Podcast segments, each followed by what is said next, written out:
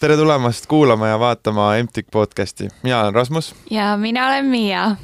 ja tänases episoodis on meil külas TalTechi majandusteaduskonna palavalt armastatud äh, õppejõud Kristo Krumm.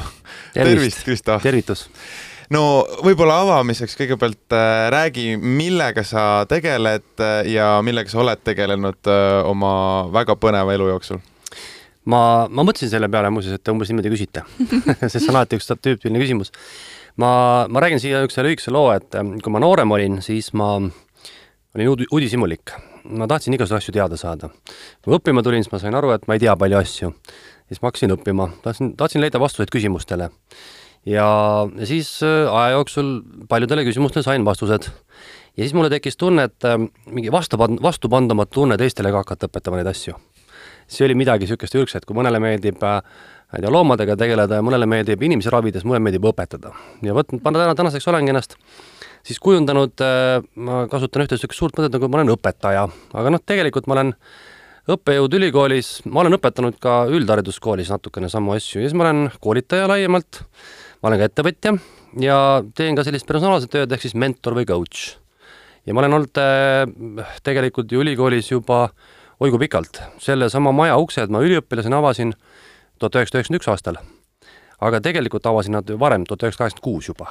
ma olin siis äh, tavaline kooliõpilane ja ma hakkasin tegelema teadusega, ma olin õpilasteadusliku ühingu liige. ja siis ma vahepeal tegelesin hästi palju ettevõtlusega ja vot seda kõike ma siis nüüd õpetangi nii et äh, täielik äh, hunt äh, Kriimsil.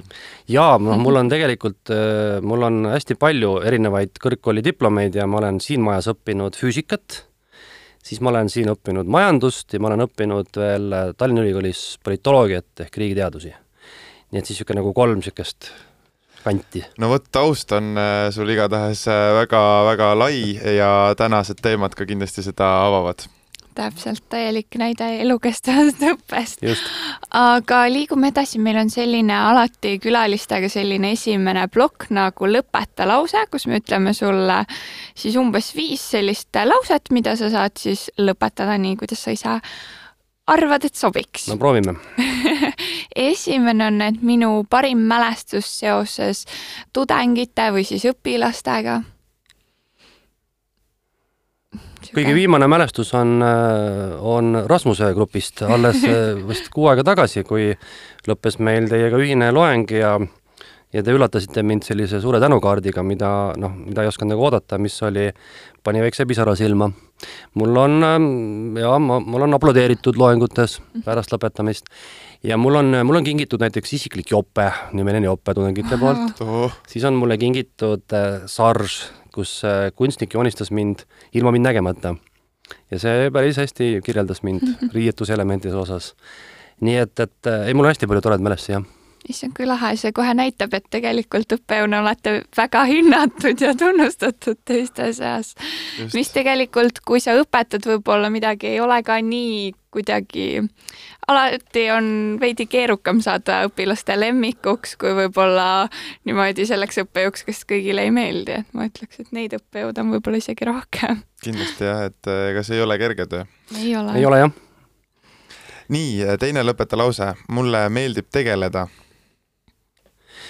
mulle meeldib tegeleda mm, nagu ma ütlesin, teadasaamisega läbi, läbi lugemise ja läbi praktilise töö, aga mulle meeldivad, mulle meeldib tegeleda kirglike asjadega, mulle meeldib kirg, mulle meeldivad kirglikud inimesed ja kõike, mida ma teen, ma teen sellepärast, et ma olen kirglik nende asjade suhtes, on see siis sport või või, või, või oma töö või, või reisimine, mis iganes mm. -hmm no me siin lugesime, et äh, sa oled ka suur golfisõber. jah, olen küll ehk siis äh, mis on äh, su parim äh, skoor golfis? Või, või, või kõige parem mäng näiteks äh,? noh, ütleme niimoodi, et kui me teeme siis niimoodi äh, punktidega, et kui äh, raja läbimine on seitsekümmend kaks lööki, siis mina olen äh, saanud äh, üheksakümnest natuke ülespoole vist või oli isegi veel vähem, ma ei mäleta täpselt, sel suvel jah ja, ja, ja parim mäng, ma olin äh, vist alles teist aastat mängimas ja ma ühel siinsamas Tallinna lähedal, ühel paarisvõistlusel meid oli vist üks viiskümmend tiimi ja minu paarilisega me saime neljanda koha, nii et see oli ka päris hea Oo. tulemus, jah. päris hea jah. mul endal kokkupuude golfiga üldse puudub. mul ka tegelikult, nii et aga põnev. ikka kuulata. järgmine küsimus on minu suurim investeering. ei pea olema nagu otseselt rahaline investeering, vaid lihtsalt võib-olla ka midagi muud. Eh, ma arvan, et, et kui ma üt-, kui ma jätan materiaalse investeeringu kõrvale, siis ähm, ma ei ole originaalne, aga ma ütlen, et teadmistesse ja tarkusesse. Mhm. et ma olen seda kõvasti investeerinud, kindlasti rohkem kui raha. mina arvasin, et siit tuleb kindlasti vastus, et äh, investeering tudengitesse või, või Äh, teistesse inimestesse. tead, kõigepealt endasse kõigepealt muidugi Ja- endasse ja siis saab ja siis seda tulevad, teistele siis edasi tulevad teisele anda, just täpselt jah. Mhm, muidugi. ja viimaseks, Eestil oleks vaja. Eestil oleks vaja hästi tarku juhte. millegipärast, võib-olla on see minu vanusest ja konservatiivsusest, mulle tundub, et, et ajaga jääb neid vähemaks. just tarku, mitte selliseid äh, võimukaid ega selliseid kavalaid, vaid mm. -hmm. tarku, kellel on tarkust ja jah, seda on äh, näha küll, et äh, et poliitikasse aina targad nagu ei jõua millegipärast Jah. jah. nad võivad ka targad olla, aga see võim nagu hakkab kuidagi rohkem pähe tänapäeval. Just. jaa. Ja liiguks edasi natuke, me sinust endast ka veel nüüd oleme siin rääkinud, aga kui sa, kuna sa oled elu jooksul tõesti päris palju teinud ja õppinud, kuidas sa ise ütleksid, kuidas su mentaalne ja füüsiline tervis nagu on vastu pidanud, kui nii palju erinevaid asju teha korraga, et tihti võib tekkida selline võib-olla läbipõlemine või midagi sarnast, et jaa äh,, siin on nüüd niimoodi, et noh, eks ma ise ka mm, püüan leida mingi tasakaalu, ütleme, töö tegemise ja puhkamise vahel, mina olen niisugune inimene, kes äh, ei oska puhata niimoodi, et ma teen töö pärast ja õhtul puhkan, et ma ei mm -hmm. oska Mhm. niimoodi, mul on vaja selliseid pikemaid perioode, et äh, mm, tänu oma tööle ma olen nüüd saanud teha niimoodi, et ma püüan puhata suvel, noh, ütleme niisugune kaks kuud ja nüüd ma ootan äh, juba päris nagu niimoodi pingsalt äh, ja, ja, ja üsna niimoodi isuga, et lõpeks äh, kooliast ära, noh, ta kuskil detsembri keskel ja siis mul on ikkagi kuskil jaanuari lõpuni on suhteliselt hea. ma pean vahepeal midagi tegema, aga see on niisugune ka ütleme kuu aega või niimoodi mm. Mhm. -hmm. Need on üks minu puhkamise variante, aga teine asi, et, et kuidas nagu läbipõlemist äh, kuidagi nagu en- ennetada või seda nagu mitte tekitada, siis ega iga töö muutub rutiiniks, absoluutselt iga töö, ma ei ole veel ühtegi tööd kohanud, mis oleks niimoodi, et sa teed iga päev ja, ja kogu aeg on vaimustus, võib-olla on keegi inimene, mina ei ole siis ma püüan endale leida mingisuguseid väljakutseid oma tööd huvitavamaks teha. ja, ja siis ma võtan endale sellise soovi ja eesmärgi, et noh, ma midagi nüüd muudan, et midagi teen teisiti või jätan midagi ära, otsin midagi uut. ja kui sa sellise asja nagu nii-öelda manifesteerid endale, et vot, vot ma tahangi midagi uut luua, see tuleb ka sinuni. et mm, ma arvan, et, et, et ma ikkagi iga mingisuguse aja tagant leian endale mingisuguse uue väljundi, et, et isegi ma teen sama tööd edasi, et ma püüan midagi muuta seal. mm. -hmm. head mõtted. jah. jah, mul on selline küsimus siin, sattus nüüd mulle, aga äh, mis on su nooruse saladus? kuidas sa oled nii energiline, näed nii hea välja ja, ja kuidas sa hoiad ennast nooruslikuna? noh, ma üritan ikkagi nagu sportlik olla, mis äh, hoiab keha liikumises. Püüan niimoodi jah, igal aastaajal, igal ilmastikul erinevaid selliseid asju teha mm,. ma ei tee võib-olla midagi nii ekstra, ütleme, et ma ei käi iluoperatsioonidel, ma ei, ma ei pea dieeti ega midagi taolist aga ma püüan leida tasakaalu nagu, ma arvan, see on ka üks asi, eks ole, noh, siin ikka nagu mingis mõttes ju pead mingi toitumisasja siin muutma ja elukombeid kuidagi hoidma kontrolli all ja ja, ja ma arvan, et, et on õnnestunud leida niisugune hea tasakaal, et ma suudan mm, teha neid asju, mis mulle kirge pakuvad niimoodi, et see nagu viib minust seda nagu tööväsimust välja Mm.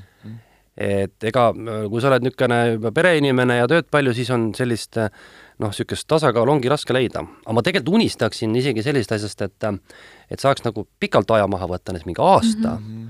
niimoodi, et, et, et just nimelt nagu ollagi niisugune nagu nooruslik, et sa teed nagu mingeid niisuguseid võib-olla niisuguseid teistsuguseid asju, noh, ma ei tea, käidki lihtsalt seljakott seljas reisimas, nagu ütleme, teie vanused mm -hmm. teeksid. mina käin juba noh, niimoodi teistmoodi, eks ole, aga, aga võiks käia. ja, ja muidugi ma arvan, et üks asi on ka see, et, et ma olen tabanud ära enda vanustuseas, et õudselt tähtis on see, et kuidas sa mõtled. et äh, mul on äh, päris palju tuttavaid, kes on minuvanused ja kes on millegi asja juba hüljanud, et noh, nüüd on vist nagu aeg lõpetada. Aga mina just vastupidi vaatan, et ei, et noh, et, et, et ma mingisuguseid tegevusi, on need sportlikud tegevused, mingi, et ma küll nagu ei, ei tunneta, et, et minu vanuseni enam ei peaks tegema mm. -hmm. ma isegi tahaks rohkem teha. mõningaid asju, mida ma tegin nooruspõlves, mida võib-olla öeldakse, et kuule, sinu vanusele ei sobi teha, aga ma ütlesin, et why not näiteks ma olin nooruspõlves diskor, ma ei taha diskosid teha, ma olen teinud, tudengid ükskord kutsusid mind di diskosid tegema. see on tõesti äge, sellest peame rääkima. Tallinna Ülikooli, Tallinna Ülikooli tudengid äh, aasta lõpul kutsuvad niimoodi, ükskord ma tegin ka, jumalast äge oli. viskad näppu nagu kolmkümmend aastat tagasi.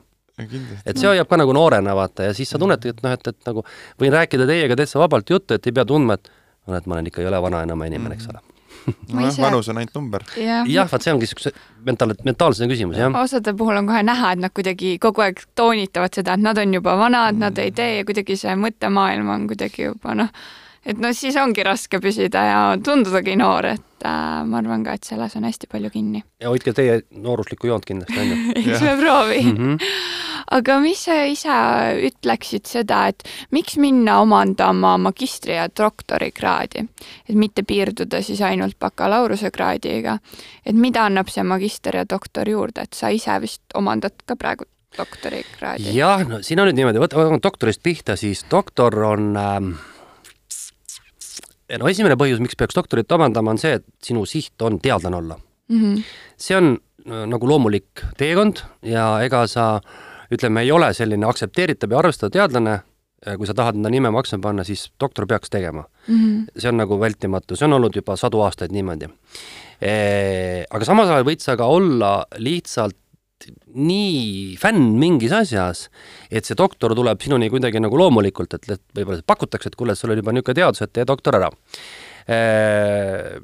noh, öeldakse üldiselt, et, et tippteadlased või siis ka ütleme, tippspetsialistid mingis valdkonnas lihtsalt eeldatakse lihtsalt nii detailseid teadmisi, et sa muidu ei saa hakkama mm. -hmm. nüüd magistri puhul ma ütleks niimoodi, ma toon sellise näite, et äh, see on nagu spordis, et vaata, on olemas natukese nagu ürgandekad sportlased, kes, äh, kellele on antud ja nad on leidnud üles selle ala, kus nad on edukad. ja nemad võib-olla teevadki ainult bakataseme oma spordis, ehk nad, nad ei pea nagu treenima nii meeletult ja, ja, ja rihtima ja ajastama, neil on see ürgandekus, noh, ma ei tea, Usain Bolt on hea näide, eks ole, kel ürgandekas inimene, kindlasti tegi trenni, me teame kõik, aga, aga tema ei pidanud olema magistrikraadiga selleks, et olla olümpiavõitja nii-öelda mm. -hmm. siis tuleb mingi teine vend, kes peab äh, tegema hullult trenni, ta peab jälgima kõiki oma elus asju, ainult siis tema suudab võistelda vot sellesama Usain Boltiga, sest ta ei ole nii ürgandekas. et kui nüüd tuua see nagu ellu, siis ma ütleks niimoodi, et see, kui, kui inimene bakatasemelt saab kätte selle, selle mingi vajaliku mingi nagu hoo sellesse ellu, siis ta võib-olla omandab loomulikul teel kõik need teadmised niikuinii tööst ja elust. kui ta on avatud, uudishimulik ja tal on võimalus ennast arendada. kui aga inimene tunnetab, et et tema jaoks see õppimine on see, see vajalik väljund selleks, et teada saada, siis äh, võiks ta ka selle magistri omandada. miks mina olen selle omandanud, mul on neid mitu tükki lausa, on sellepärast, et need valdkonnad, näiteks seesama poliitika, riigiteadused, ma ei oleks seda iseseisvalt võib-olla mitte isegi nagu viitsinud õppida, aga ma poleks arugi saanud, kui mind poleks õpetatud mm. -hmm ja vot seal ma näen küll, et, et seal nagu iseõppimise teel on seda, ma, minu jaoks oleks ta palju raskem olnud mina olen see mitte Usain Bolt, kes peab natuke rohkem vaeva nägema võib-olla. et, et tegelikult täna saab täiesti edukalt mingites valdkondades ka ju bakaga hakkama, kui sa oled ise kõva tegija ja sa saad, ma ütlesin nagu O-üleselt. aga mm, -hmm. aga mõnes valdkonnas on jah, vajalik võib-olla natuke minna süvitsi. aga see on niisugune tunnetuse küsimus, mis, mis valdkonnas ja mis erialal. just aga ma olen jah, mina olen soovitanud äh, enda lastele niimoodi, et noh, kui tunne ütleb, et on vaja, minge, aga ma tagant push ima ei hakka mm. -hmm. jah, no eks iga inimene teeb oma valiku. jah, nii peaks olema, jah mm. -hmm. just Uh, okei okay,, aga nüüd me teame, kes sa oled, kust sa tuled. natukese teate ainult. natukene jaa ja,, muidugi see on uh, kindlasti alles uh,, ei saa, ei saa protsendipunktigi ilmselt välja sellest, aga aga liigume oma esimese teemaploki juurde, milleks äh, me mõtlesime pikalt, mida sinu käest küsida, mis teemasid sinuga arutada ja siis mõtlesime, et me ikkagi äh, toome selle Ukraina teema ka sisse, sest et me ei saa sellest üle ega mm -hmm. ümber. ja ma arvan, et äh, ka tudengitel on huvitav kuulata kindlasti. ja me teame, et meil siin paar päeva tagasi toimus Poola intsident siis selle raketiga, eks ole, mis tänaseks on natukene rohkem juba selgust saanud, äh, aga mis sa arvad, äh, kuidas võiksid äh, lääneriigid ja NATO täna edasi käituda?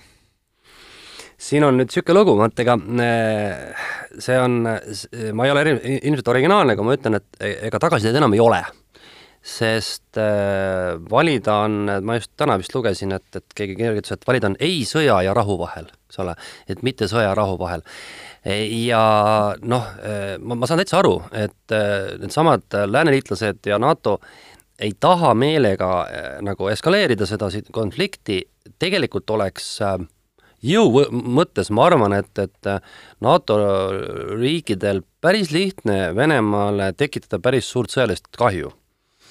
Aga on ka teada, et sellele järgneks tuumasõda. Ja, ja noh, seda stsenaariumi kõik teavad ja seetõttu püütakse hoida sellist äh, balanssi, et sa nagu tagasi anda ei saa, aga väga suurt edasikäiku ka teha ei saa.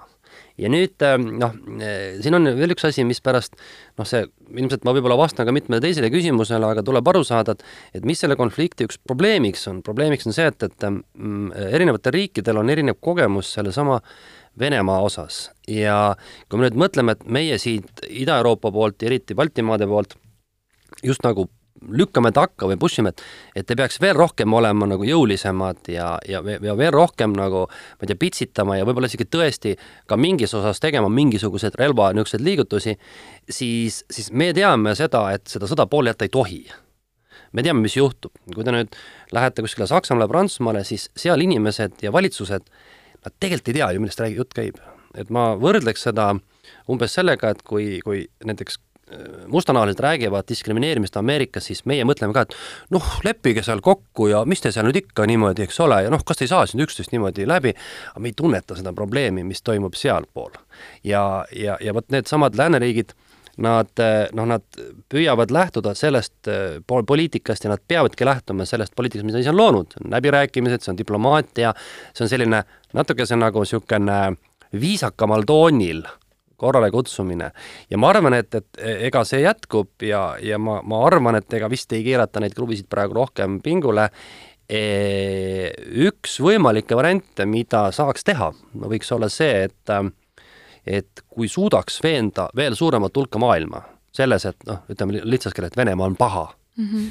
et, et tekiks veel suurem niisugune konfrontatsioon Venemaa, tema nii-öelda võimalike liitlaste ja ülejäänud maailma vahel, siis oleks see suurem võimalus, et Venemaa julgeb vähem teha selliseid liigutusi, aga praegu on siiski ju pool maailma kas neutraalsel positsioonil mm, -hmm. äraootaval positsioonil või lausa ütleme Venemaa poolt ja see ei ole meie seisukohast väga hea. ja seetõttu mm -hmm. ei saa ka lääneliitlased praegu teha suuremaid liigutusi, sest nad ärritaksid sellega ilmselt ka mingit muud osa maailmast mm. -hmm. aga mida sa arvad sellest, et äh, Hiina nüüd äh, kas Hiina mängib praegu mingit sellist äh, mängu? ma arvan, ta mängib mängu jaa, ma arvan, ta otsib, ta vaatab, mis toimub ja, ja püüab leida endale siit nüüd neid võidupunkte. sest äh, noh, niisugused kriitilisemad ja võib-olla natukene niisugused optimistlikumad hääled ütlevad, et Hiina põhimõtteliselt praegu nii-öelda neelab Venemaa osaliselt alla, eh, tundes seda enda rikkust ja võimu seal. noh, ma arvan, et see päris nii võib-olla ka ei ole, aga, aga Hiina meelega ei tee liigutusi ja tal on ka selles mõttes positsioon, et, et kõik teavad, et ta on nii suur mängija sellel, sellel kaardil, et, et temast sõltub hästi palju ja ta ei pea kiirustama, ta ei pea poolt valima, ta saab diplomaatiliselt mängida ja mõlemad pooled, Venemaa vajab teda ja meie vajame teda.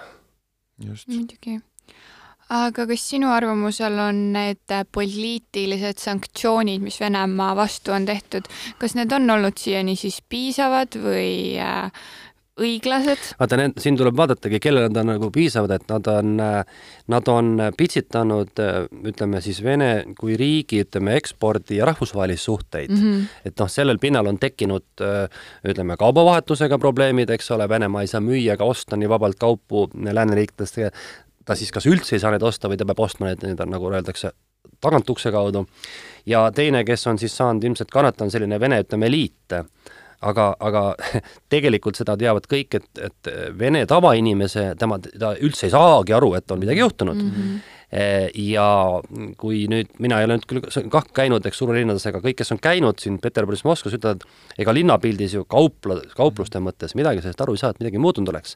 nii et noh, tegelikult see, see, ütleme, see, see otsene tõdemus on see, et, et see ta, ta tulemus nendele sanktsioonidele ei ole sellist mõju avaldanud, nagu me oleme lootnud nüüd lootus püsib kahel asjal, esiteks, et, et võib-olla see toimubki nii pika vinnaga, eks ole, või teine asi on siis see, et need äh, sanktsioonid hakkavad pitsitama neid, kes on otsustavatel kohtadel, näiteks ütleme, teatud poliitikud või majandusjõud, ja nemad äkki suudavad siis algatada, sest tavainimesed ei tunneta midagi ja tavainimene täna Venemaal ka midagi ei otsusta mm. -hmm.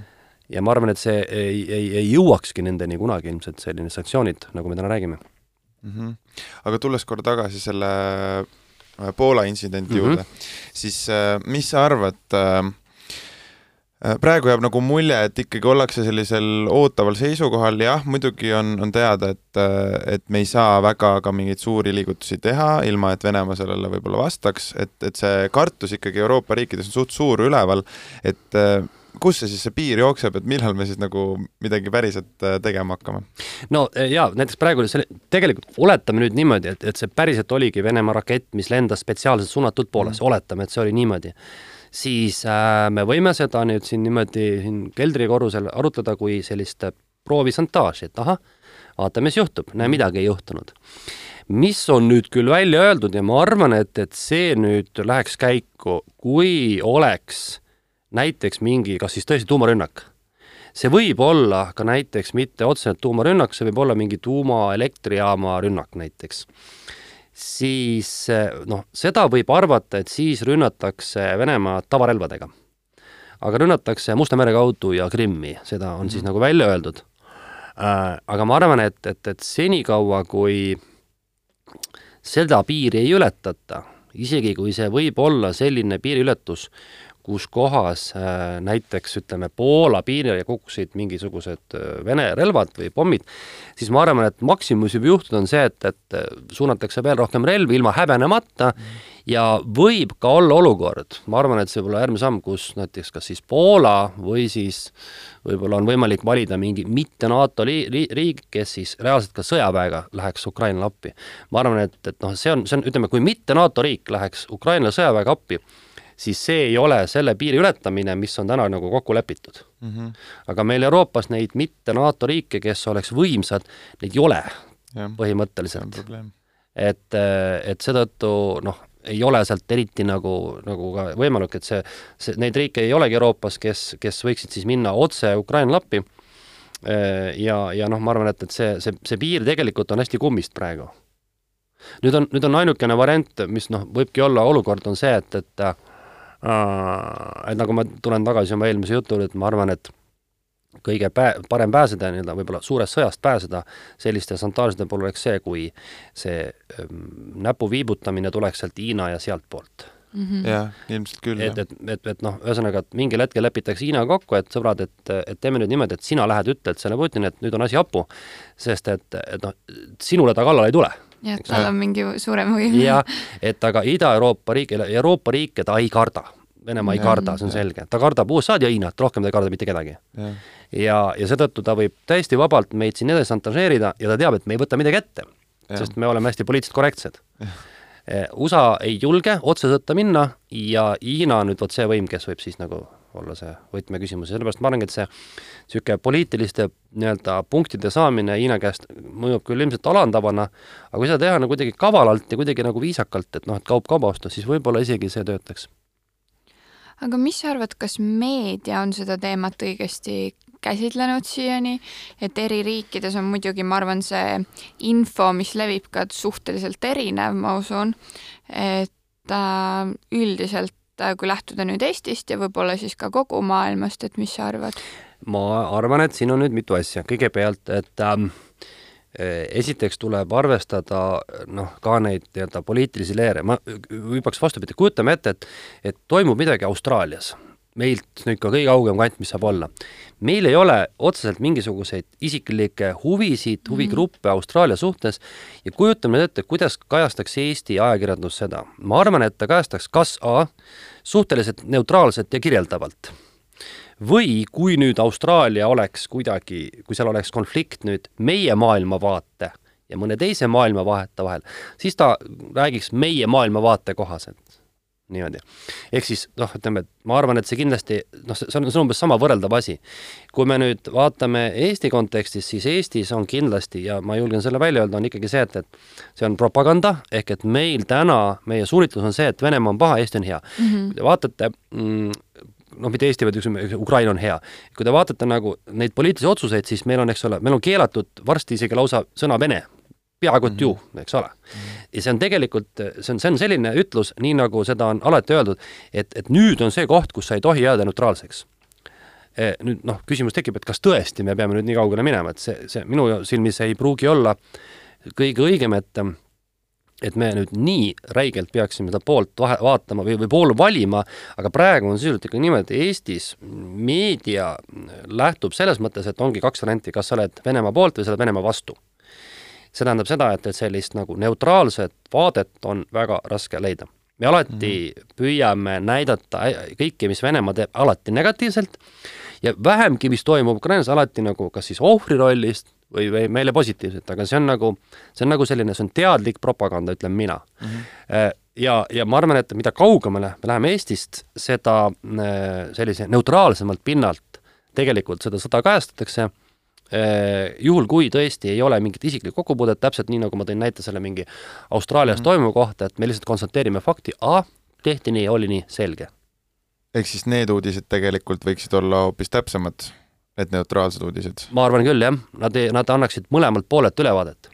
ma olen kunagi lugenud noh, Venemaa kohta kirjutatakse kohutavalt palju, ma mingil hetkel ka üritasingi lugeda nii palju kui võimalik oli eesti keeles ja, ja inglise keeles Venemaa kohta just sellest nagu tema ajaloost ja sellest ühiskonna mentaliteedist ja sellest kujunemisest, siis äh, nüüd noh, on välja ilmunud ka mingisuguseid täiesti absurdeid selliseid ulmelisi teoseid, mida venelased on kirjutanud sellest, mismoodi nad tahaks kogu maailma valitseda olla, aga on olnud ka selle aja jooksul midagi sellist asjalikumat ja üks selline, vot ma ei mäleta enam seda autorit, aga üks Vene poliitik andis kunagi intervjuu ja ta põhjendas väga hästi ja väga neutraalselt ja selgitas lahti, et miks nemad on valinud sellise ühiskonnakorralduse ja miks see nende arvates töötab. Ja see oli nii hästi räägitud, see oli vaba propagandast, see oli vaba sellisest nagu noh, et, et, et vastandumisest, vaid see oli toodudki näide, et noh, et, et, et alates juba sellest, eks ole, riigi korraldusest, riigi majanduslikust suurusest, kõigest alates, et selleks, et riik üldse toimiks, arvestades vene mentaliteeti ja ajalugu, nad peavad lähtuma sellisest maailmakorrast, sellisest ühiskondlikust korrast.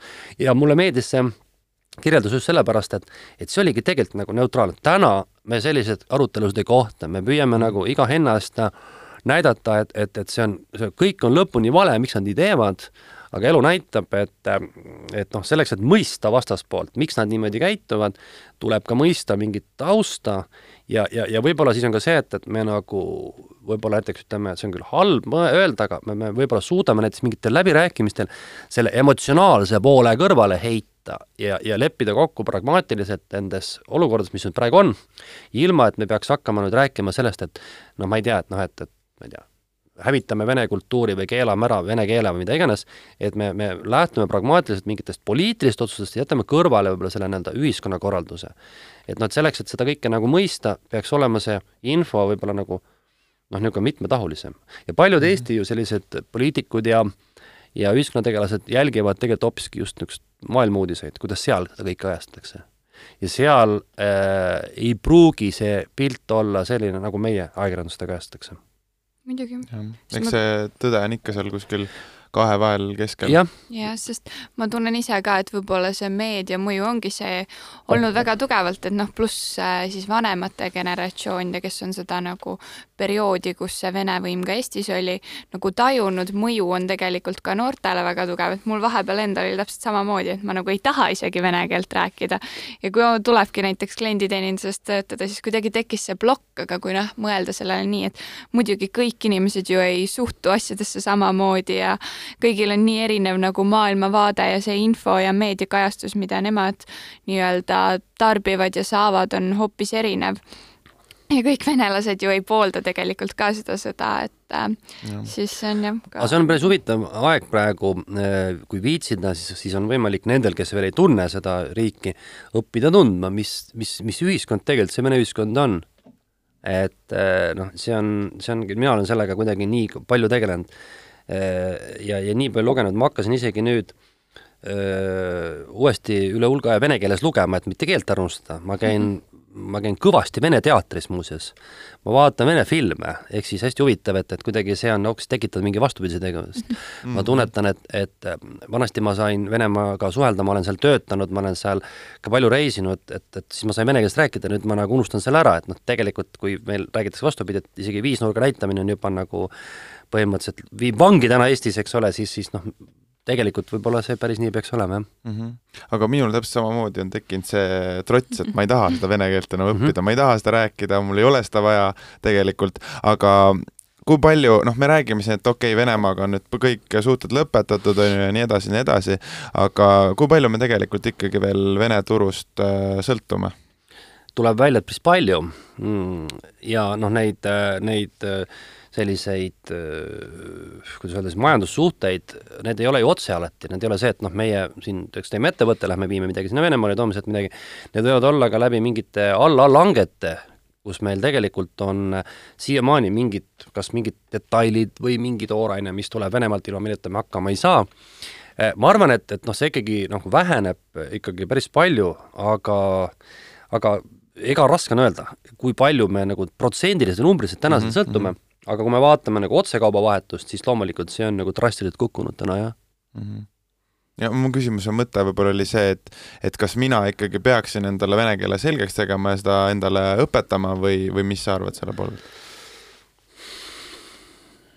tead, ma arvan, et, ähm, et äh, vaadates Eesti arenguid, siis ähm, juba tegelikult mõnda aega tagasi vene keel muutus minu arvates samasuguseks keeleks nagu soome või rootsi keel üks naaberriikidest, kellega meil on mingi piir ja, ja kellega me aeg-ajalt mingit äri ajame, noh, lihtsalt Soome-Rootsiga on see, et ütleme, et seal on, eks ole, piir vaba, sa lähed mm., sõidad iga kord, Venemaaga on kogu aeg olnud meil ju see nii-öelda passi ja, ja, ja, ja viisasüsteem, et aga, aga ma arvan, et, et, et täna ma, ma ei näe ka nagu otsest vajadust, et seda peaks spetsiaalselt õppima nüüd rohkem kui teisi naaberkeeli mm. -hmm ma arvan, see on täpselt, täpselt võrdne sellise, selliste, ütleme nagu noh, kui jätame kõrvale inglise keele, eh, siis kõik ülejäänud keeled minu jaoks muutuvad samale tasemele, jah nojah, sest inglise keel on igal pool maailmas ja, ja tegelikult ka Venemaal. Venemaal sellega läbi lüüa. jah, just, et, et ju noored paljud juba räägivad mm. -hmm. jah aga sa tõid enne välja selle, et noh, et mingeid sektoreid kindlasti see sõda on nagu negatiivselt mõjutanud, just see kaubavahetuse pool.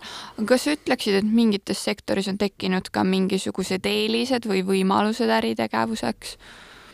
noh, relvatööstus relvatööstus kindlasti on ju. esimene asi kohe mm. -hmm. aga tegelikult on ka kõik see, mida eh, me, noh, te ilmselt kujutate väga hästi ette, vähemalt filmide, raamatute peal, et sõda on Äh, sõja puhul on äh, umbes niimoodi, et üks kolmandik on äh, sõdimine ja kaks kolmandikku on logistika. Mm -hmm. see on siis toit, riided, ravimid, kõik see transport, tegelikult on tihtipeale niimoodi, et kui me võtame ühe niisuguse armee, siis selle armee puhul ongi nii, et, et suurem enamik inimesi tegeleb selle armee varustamise ja, ja selle tagala poolega kui sõdimisega. ja ma arvan, et, et kõik need Äh, teenused ja tooted, mida vajab armee tagalas, neid on vaja massiliselt. me siin iga päev, ma näen kogu aeg, et Facebookis kutsun üles, et tooge riideid ja õmbleme koos mingisuguseid neid kaitsevõrkusid ja mm, -hmm. ja, ja, ja siis teeme veel seda ja toda, et noh, neid läheb kogu aeg meditsiiniasjad, kõik jah, noh, eks ole, kõik need just nimelt rõivad, sellised esmatarbekaubad, vahendid, kõik see, mida inimene vajab, noh mm -hmm., ütleme, mis iganes olukorras, aga kus sõjaolukorras võib-olla seda nagu spetsiaalselt kulub rohkem mm, -hmm. et, et, et noh, see ilmselt, kas ta nüüd on nüüd tõusnud, aga see, see on nõudlust selliste kaupadel on kindlasti olemas, jah. jah, et tegelikult üldse ma arvan, keskmisel inimesel on suht keeruline mõista, et ah, logistikat ikka relvadega võidetakse seda, on ju, aga tegelikult Absolut. see logistika võidab sõjad. ja tihtipeale sellega võidab, jah ja,. just, et kuidas sa oma asjad äh, oled sättinud Äh, aga mis on, me teame kindlasti seda, et meil on energiakriis otseselt, mitte otseselt, aga osaliselt tekkinud Ukrainas toimuva pärast, aga millised veel on sõjamõjurid Eesti majandusele? No hakkame niimoodi pihta, et kõigepealt ikkagi need ärisuhted, mis meil olid nende riikidega, kes on nüüd sõja tõttu meil nagu out, noh, Venemaa, Valgevene, eks ole, ühelt poolt, et äh, need mõjud on ühelt poolt otsesed, mingid ju kaubad ei tule ja mingid kaubad ei lähe. Need on, see on üks pool. ega Valgevene oli meil ka tegelikult teatud kaupade suhtes ka oluline, noh, mis mm -hmm. oluline nüüd, aga, aga mingi kaubanduspartner investeeringud, mm, eks näiteks Ukraina oli meil paljude ütleme, Eesti ettevõtte seas väga niisugune oluline investeerimiskoht, sest on niisugune kasvav turg, isegi, isegi Valgevene oli meil investeerimise mõttes juba mingisuguses mõttes kasvav turg. et, et noh, see osa majandust ära lõigatud. Ja teine muidugi on see, et, et noh, ikkagi tuleme tagasi selle juurde, et me ikka ostsime palju nendest riikidest kaupu, et meie, meie tööstused siin, puidutööstus, energeetika, kõik, mis vajavad toorainet, et see tuli kõik ju sealtpoolt ja Ukraina mõju laiemalt on ikkagi ka toidu, eks ole, ärile, sest et ta on mhm. üks maailma kõige suurematest viljakasvatajatest ja kui sealt see kaup ei liigu maailmaturule, siis see jõuab ringiga meieni ikkagi tagasi küll, jah mm. -hmm. aga kui nüüd täna oletame lihtsalt, et Ukraina näiteks võidaks sõja, kui kaua läheks aega, et majandus üldse taastuks või jõuaks sellele tasemele, mis see oli enne? Tegelikult on, nii halb kui see ka pole öelda, ju sõda väga kõva majandusmootor. Absoluutselt alati on, noh, ütleme võib-olla siis võtame viimase näite, Teine maailmasõda tekitas ju tegelikult tohutu majandusbuumi, eks ole, inimesed noh, nagu olid väsinud ja nüüd nad hakkasid tarbima, elama, töötama, riigid vajasid ülesehituseks ju, ju töö, toorainet, tööjõudu, kõiki asju, et ma arvan, et, et see, ütleme, Ukraina-suguse suure riigi, oletame, et nüüd see tuleb nullist, noh, mis nullist, ütleme, et pool riiki tuleb ikkagi päris palju üles ehitada, seal tuleb äh, ju, kõigepealt tuleb kõik vana rämps ära viia ja siis tuleb kõik uus ümber ehitada. Ja seda saab teha nüüd kaasaegsel moel, et, et, äh, et see äh, ühelt poolt annab nagu mõju paljudele majandussektoritele ja, ja päris suurele osale maailmast. Ja eks teine on see, et mida ligemal sa Ukraina oled, seda kasulikum on sul ise sinna minna tegelikult ju raha teenima nii et võib-olla võib juhtuda niisugune olukord, kus äh, täna on siin äh, Ukraina ehitajad, homme on Eesti ehitajad Ukrainas mm. -hmm. ja ehitavad seal linnasid ülesse, kuna sinna suunatakse väga selgelt tohutud rahad kust see raha tuleb, noh, see on ka omaette küsimus, siin on räägitud igasugustest skeemidest ja numbrid on ka päris suured, aga, aga sisuliselt ehitatakse üles terve Eesti riigisugune riik praegu ju põhimõtteliselt territooriumi mm -hmm. mõttes. ja, ja see, ma arvan, et, et, et see tekitab nagu tervikuna sellise, vähemalt siin piirkonnas, peaks tekitama ikkagi sellise olulise majanduskasvu, vähemalt me loodame, et nii võiks olla. jah, põnev mõtteviis jah, et, et sõjast tekib tegelikult Äh, hoopiski mingis mõttes ka majandusele kasu, on ju. aga noh, nii ka on olnud, on ju, et äh, tehnoloogia areneb kindlasti selle Just. tõttu, küll kahjuks ilmselt ka sõjatehnika, on ju, et sellesse ilmselt hakatakse ka jälle rohkem investeerima ja nii edasi ja nii edasi noh, Eesti, ütleme ju täna ja paljud riigid, kes on otseselt selle sõja mõjuväljas, uuendavad praegu tohutu mürinaga oma sõjatehnikat ja Just. mis siis omakorda noh, jällegi on, eks ole, majandusmootor millelegi. just. muidugi aga selline küsimus nüüd, et äh, kas Eesti toetab Ukrainat äh, piisavalt või liiga palju ja kust jookseb see piir, et noh, me teame, et meil on ju endal ka praegu väga keerulised ajad, et ikkagi oma riiki on vaja ka üleval hoida ja meie riigieelarve ei ole just äh, kõige suurem. et kus see piir jookseb? mina usun, et, et aidatakse praegu nii palju, kui jaksatakse.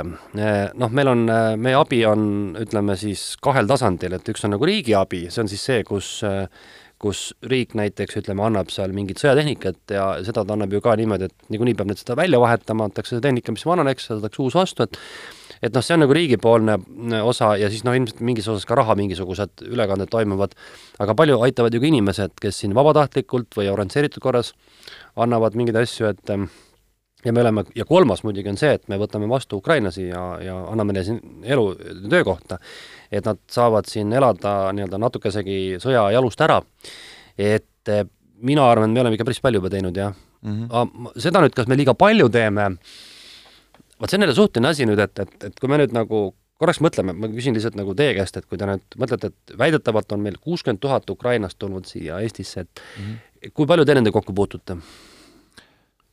Väga palju mitte, koolis ma tean, osad meil on vist tulnud nagu tudengitena, just üks päev käisid meil kontorist läbi ka Ukrainast tulnud mingid tudengid, soovisid liituda siis majandusteaduskonna üliõpilaskoguga, aga üldiselt ega nagu väga ju vahet niimoodi ei tee, kui suhtled. et äh, ma niimoodi ei oskagi öelda, mul nagu otseseid kokkupuuteid väga palju pole olnud. jah, mul ka nagu igapäevaselt ei ole, ainult ka võib-olla kooli peal keegi on küsinud äh, mingit nõu või midagi. ega ei olegi. ja tegelikult vastus ongi selline, et ega ei olegi.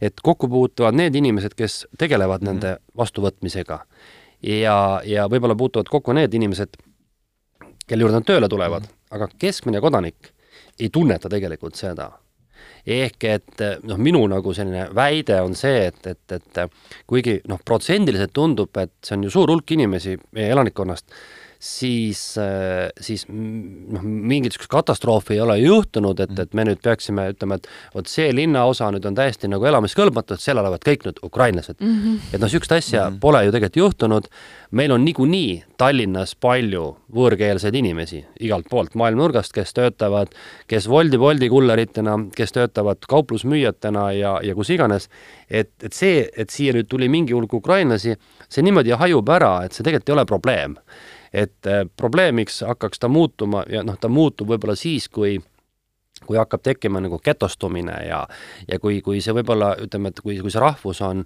noh, kultuuriliselt nii domineeriv, vaata, et hakkab ohustama meie kultuuri, siis täna noh, ütleme nii, et, et, et neid kindlasti on neid, kes on niisugused laisad ja, ja võib-olla noh, tahaksid nagu niimoodi liugu lasta. aga väidetavalt enamus nendest ukrainlastest on inimesed, kes on kas või hinges tänulikud meile ja nad ei, ei tule selliste nagu soovidega, et noh, et me siin tuleme nüüd ja näitame teile, kuidas tegelikult peaks elama ja te peate oma keele ära unustama, et noh, ühesõnaga, et ma tahan nagu öelda, et et minu arvates see probleem ei ole nii suur, kui sellest räägitakse.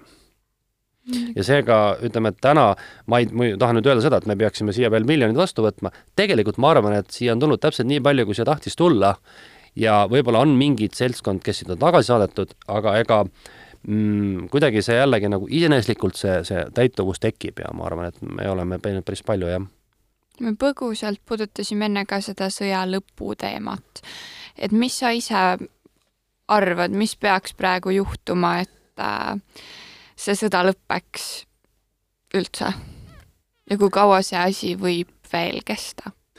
mina arvan, et kõige suurema tõenäosusega lõpeks sõda, kui vahetuks Venemaa juht mm. -hmm kas siis üks inimene või mingi juhtkond. Äh, ehk siis äh, tuleb uus juhtkond, kel võib-olla äh, noh, nad, ega nad ju öeldakse, et selgelt, et Venemaa oma poliitilist suunda päevaga ei muuda, aga inimesed võivad ikkagi olla natuke teistsuguste mentaliteetidega mm. -hmm ja ju vabalt võib olla olukord, et tuleb uus inimene, kes ütleb, et, et, et see sõda oli viga, me tunnistame seda ja me oleme valmis nii-öelda nagu tagasi astuma aga noh, et, et see nii-öelda need tingimused, et oleksid siis mingid mõistlikud, et noh, et ei pea nüüd meid siin tampima maatasa, see ei ole ka ilmselt mõistlik. ja ma arvan, et noh, et, et siis see oleks üks võimalikke variante, et mm. kui tänase valitseja või valitsejate asemel tuleks lihtsalt teised inimesed. nüüd äh, nüüd tänases olukorras, kus, äh, kus nüüd ütleme, olemasolev juhtkond ei ole nõus tegelikult ju noh, ütleme oma ambitsioonidest ja oma eesmärkidest tagasi tulema, siis sellist ähm, noh, nagu normaalsete tingimuste sõja lõppu ei oska keegi ette ennustada. lihtsalt ei oska, sest et et ukrainlased mõistetavalt ei taha leppida sellise pooliku lahendusega ja venelased ei taha leppida pooliku lahendusega ja kõige hullem, mis saab olla, on selline nii-öelda vaherahu, sest et, et kui see vaherahu lõpeb niimoodi, et et sellesse ilmselgelt kirjutatakse sisse mingisugune selline vaherahu, mitte rahu mm, -hmm. siis see tähendab ühele või teisele poolele seda, et noh, et, et sealt tuleb midagi juutu. noh, kõik on öelnud, et, et venelased väga suure tõenäosusega tahaksid vaherahu, mille, mille nii-öelda eesmärk oleks koguda, hinge tõmmata ja koguda jõudu ja uuesti rünnata. seetõttu on vaja püsivat rahu, aga tänastel tingimustel on nagu väga rah-, raske tekitada jah, sest et mida see rahu siis nüüd lõpuks ja. Venemaa jaoks tähendab. täpselt, see usaldus on juba läinud. et tegelikult ma arvan, et see juhtkonna vahetus oleks lihtsalt võib-olla kõige realistlikum, mis võiks tekitada mingi lootusegi selleks mm. -hmm. aga veel selle teema lõpetuseks, mis saab Venemaast, kui sõda nende jaoks siis kaotusega lõpeb või kas nad üldse saavad kaotada? noh, teoorias ju saavad muidugi. Oletame näiteks, et, et ukrainlased on sõjas edukad, nad löövad venelased välja siit-sealt ja kolmandast kohast. no nüüd on küsimus selles, et kui nüüd veel sellest lõpust rääkida korra, siis, siis noh, väga raske on ette kujutada täna, et venelased lüüakse ka Krimmist välja ja siis nad lihtsalt ütlevadki, et okei okay,, me nüüd oleme siis kaotanud või mm. -hmm. et, et see nagu tundub täna ilmvõimatu, sest et äh, nad võivad ka tõesti noh, mingis hetkes meeleheitlikus olukorras ka tuumarünnakut kas või lokaalselt äh, korraldada e aga, aga kui nüüd oletame, juhtuks see parem stsenaarium, et tuleb mingi uus seltskond sinna ette võimule, siis noh, ma loodan väga seda, et need kõikvõimalikud sanktsioonid, et, et need ei võeta maha nii-öelda päevapealt, vaid vaid äh, suure tõenäosusega kirjutatakse sisse mingisugune selline noh, suhete normaliseerumise protsess, et noh, et, et me teeme, et kui teete nii, siis me teeme nii vastu, eks ole mm,. ma loodan, et, et selle sõja lõpu tulemusena mm, vähemalt välisriigid on nüüd nii palju, palju targemad et nad noh, ei ole nii naivistlikud Venemaa suhtes ja ka ütleme, kaubavahetuse osas ei seota nii, nii nagu sõltuvuslikult ennast Venemaaga. keerulisem saab olema Venemaal, eh, jällegi rõhutan veel kord, et kui, kui tuleb uus juhtkond, siis võib-olla on võimalik seda eelmise juhtkonna mingisugust tegevust kuidagi siis niimoodi noh, ma ei ütle nüüd, et, et kuidagi nagu öelda, et see oli halb, vaid noh, see kuidagi ära lõpetada ja, ja aga seda on väga raske nagu vene inimestele müüa, nii et, et tegelikult on Venemaa mänginud ennast nagu igas mõttes nurka, ehk siis nende silmis on vaja ainult võita või kas või vahevõitu, sest kõik muud olukorrad on igal juhul neile väga halvad e tegelikult oleme ausad, mitte keegi ei usu Venemaal totaalset revolutsiooni, nii nagu ta oli tuhat üheksasada seitseteist, mhm. seda täna ei usu mitte keegi, kus tuleks võib-olla midagi täitsa uut ja toimuks midagi täiesti totaalset refresh'i.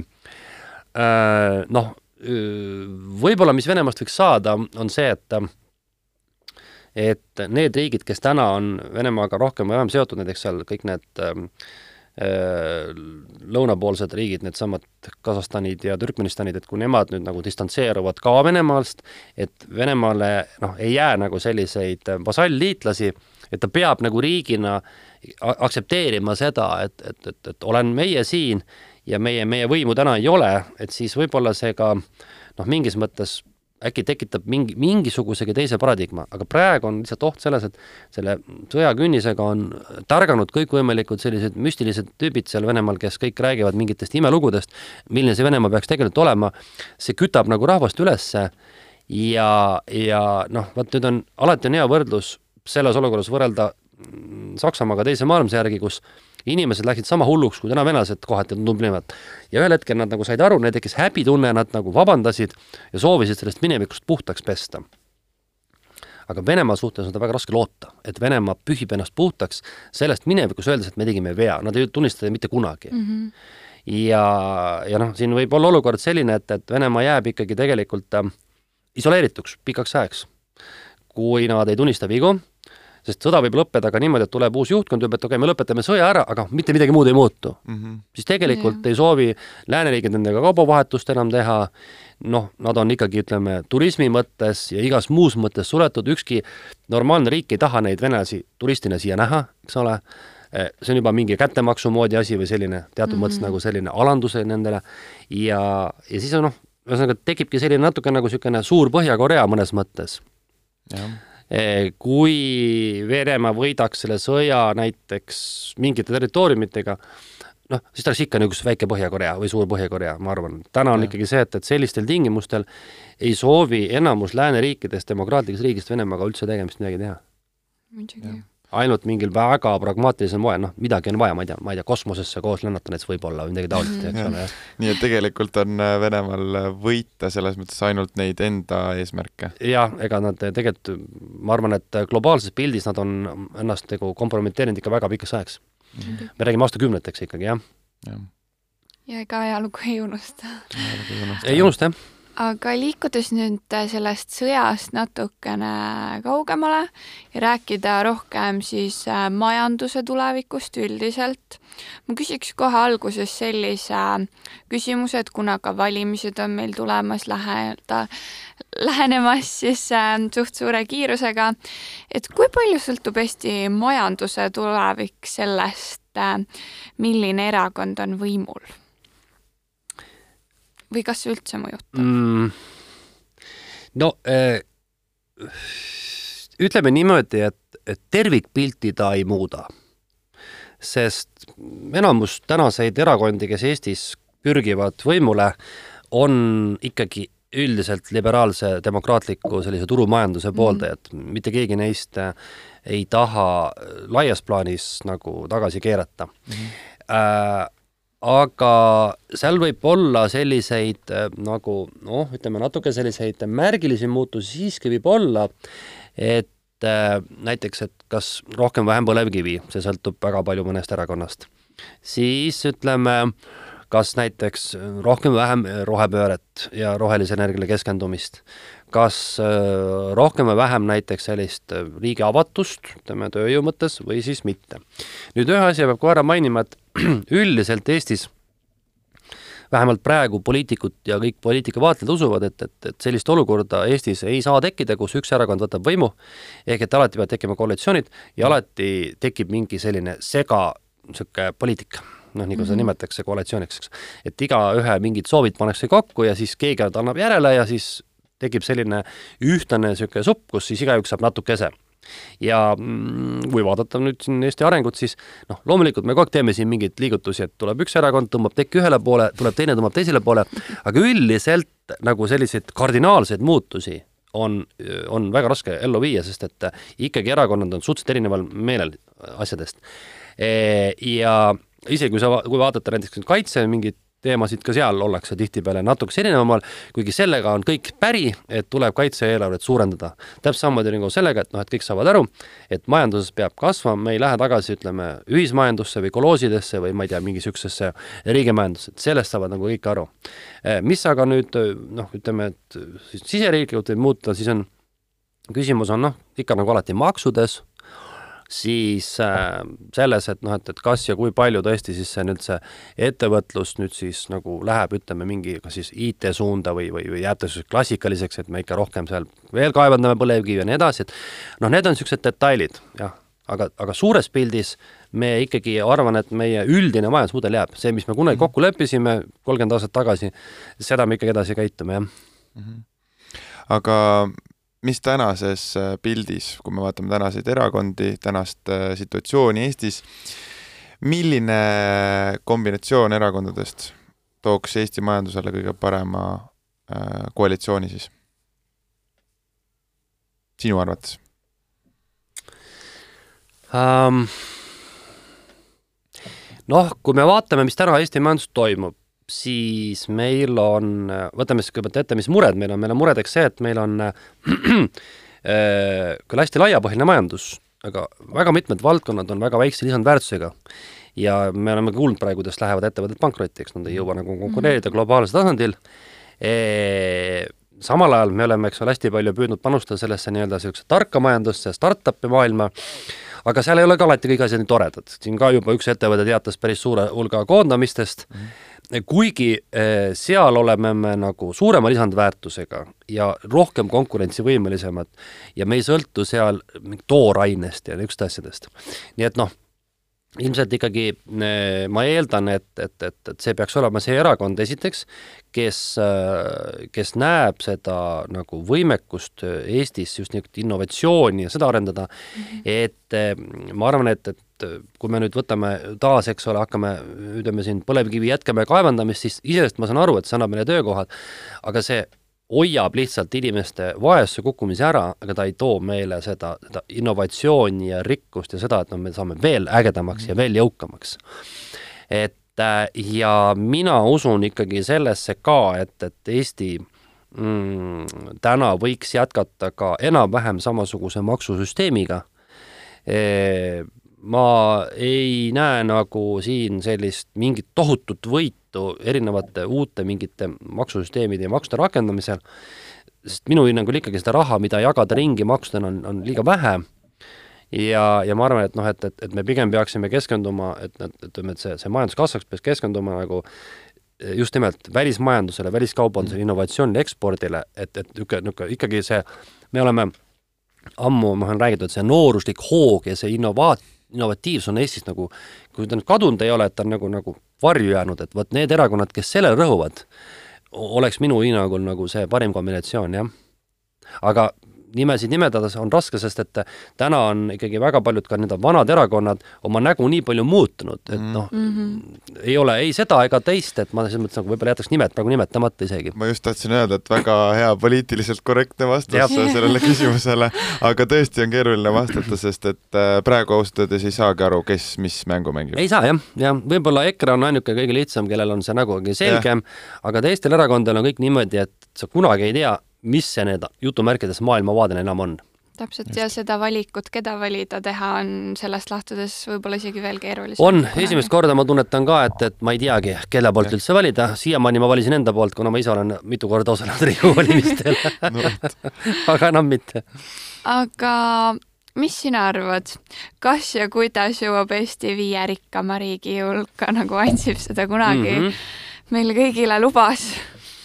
Tegelikult oli, ma mäletan, et küsimus oli umbes niimoodi, et, et kuidas Eestis võiks saada üldse üks maailma rikkamaid riike, eks ole. täpselt, seda ja, ka muidugi. et, et see, see valik, noh, siin tuleb natuke teha sihuke majandus, väike kool, et kõigepealt, et noh, summa, summana me ei saa kunagi, eks ole, see on selge. et me saame seda ainult, ütleme niimoodi, et me võtame oma rikkuse ja jagame inimeste peale, siis mm -hmm. maailmas on üldjoontes paar sellist võimalust on, et, et ühed riigid on need, kes on rikkad maavarade poolest ja oskavad neid hästi niimoodi väärindada ja sealt tekib rikkus ja no teine pool on siis see, et, et, et püütakse siis ära kasutada seda, mis endal on hästi head.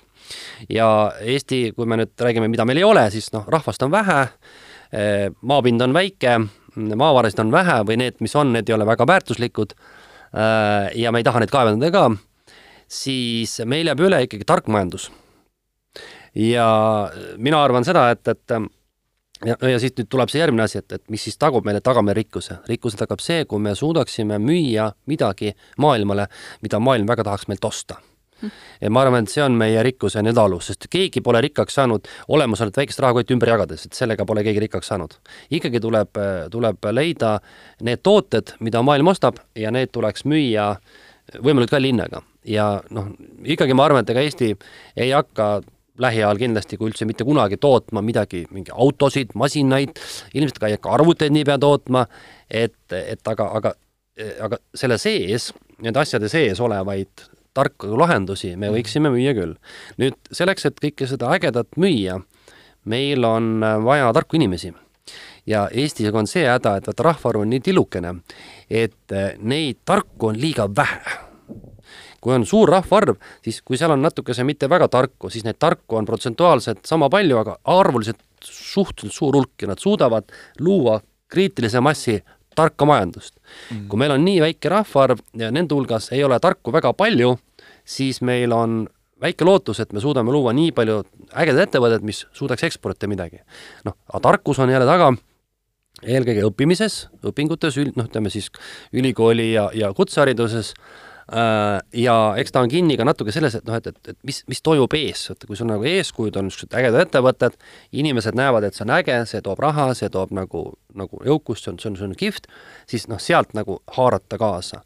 ja Eesti-sugune riik saaks teha veel mida, me saaks nagu nagu hooga kaasa minna nende teemadega, mis on nagu hetkel popid ja aktuaalsed, noh näiteks ütleme, et äh, uutmoodi energia tootmine näiteks, eks ole, kindlasti üks asi. siis kõik, ütleme, see, mis puudutab igasugust sellist, ütleme, tootmist teistsugusel moel, on ta siis see sõnad rohe, jätkusuutlik, mis iganes. me saame nagu vaata kiiremini selle hoo peale lüüa. kujutage ette, kuskil mingi suur riik, noh Hiina teeb seda niimoodi, Hiina ütleme, et äh, tuleb seal see siia, ütleb, et nüüd on niimoodi, paneb käsu lauale, kõik viskavad kulpi, teevad, noh, meie niimoodi ei tee, eks ole, enamus riike nii ei tee. enamus riikides selliste otsuste ja poliitikate elluviimine võtab jube kaua aega, aga me saaksime teha seda kiiresti. et nüüd on küsimus, et noh, et kui palju seda riik peaks nüüd suunama, vaata, eks ole või, või, või, või kui vähe ja siin ma arvan, et, et, et võib-olla see variant oleks ikkagi see, et, et see see ettevõtlus ja see maksustamine, kogu see äritegevus peaks olema nagu nii, niivõrd, kui see võimalik on, selline hästi nagu vaba ja selline nagu lihtne.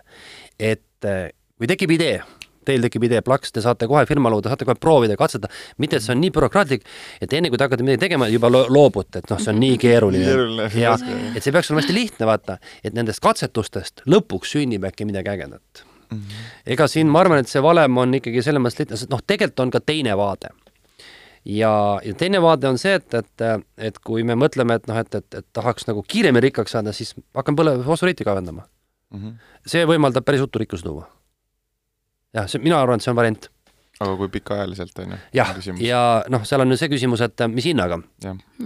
selle, selle, ütleme, fosforiidi kaevandamise puhul, kui me suudaks seda teha niimoodi, et see reostus oleks võimalikult väike ja teiseks eelduseks, et see raha jääks, nii nagu Norral on, sellisesse riiklikusse fondi mm -hmm. vot siis see võiks olla niimoodi. kui keegi suudaks välja arvutada, öelda näiteks, et okei okay,, et näiteks ma ei tea, kolmekümne aastaga kogutakse kokku nii palju raha, et jagame selle inimestele ära, see on nii palju ja see raha jääb riigile ja seda investeeritakse ja seda suudetakse mõjusalt müüa, siis ma arvan, et, et, et suudaks selle Eesti rahvas ka selle kaevandamise omaks võtta. aga täna ei tea keegi, millest jutt käib. ja, ja jälle ma ei tea, miks keegi, kes, kes pole neid tarku inimesi või pole neid, kes tahaks seda väljuda või, või tegelikult ei taheta seda teha, ma ei tea, aga noh, ma ütleks, et see on nagu teine äärmus, et unustame selle, selle, mitte ei unusta, vaid ütleme, selle targa majanduse kõrvale me saame teha midagi ka, mis on meil olemas juba täna. Ehk siis kaevata maa alt välja midagi, mida kohe ära müüa kindlasti.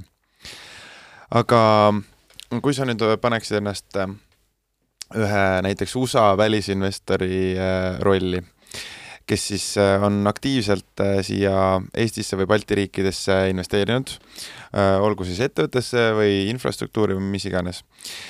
Kas sa oleksid praegu ettevaatlikum oma investeeringutes või kuidas sa käituksid praeguses olukorras? kui see on startup ettevõte, siis ma väga ei kardaks sest startup ettevõtted on nii mobiilsed ja nad ei ole seotud ühe konkreetse riigiga mm. -hmm. kui me räägime sellisest füüsilisest investeeringust mm, -hmm. siis, siis ma ilmselt jah, oleksin palju ettevaatlikum, kuna on mitu põhjust, esiteks, et noh, ma arvan, et seesama ameeriklane kardab päris palju seda sõja ja kogu seda mõju siinpool, esiteks. teiseks, et ta saab aru, et Eesti on jube pisike riik, välismõjud tulevad meil hästi kiiresti, ka languslikud välismõjud ja kolmandaks, Eesti riik ei ole enam nii moodne ja nii popp, kiiresti arenev riik mm. -hmm. me oleme niisugune juba see iga põhjamaine riik, kus asjad liiguvadki aeglasemalt.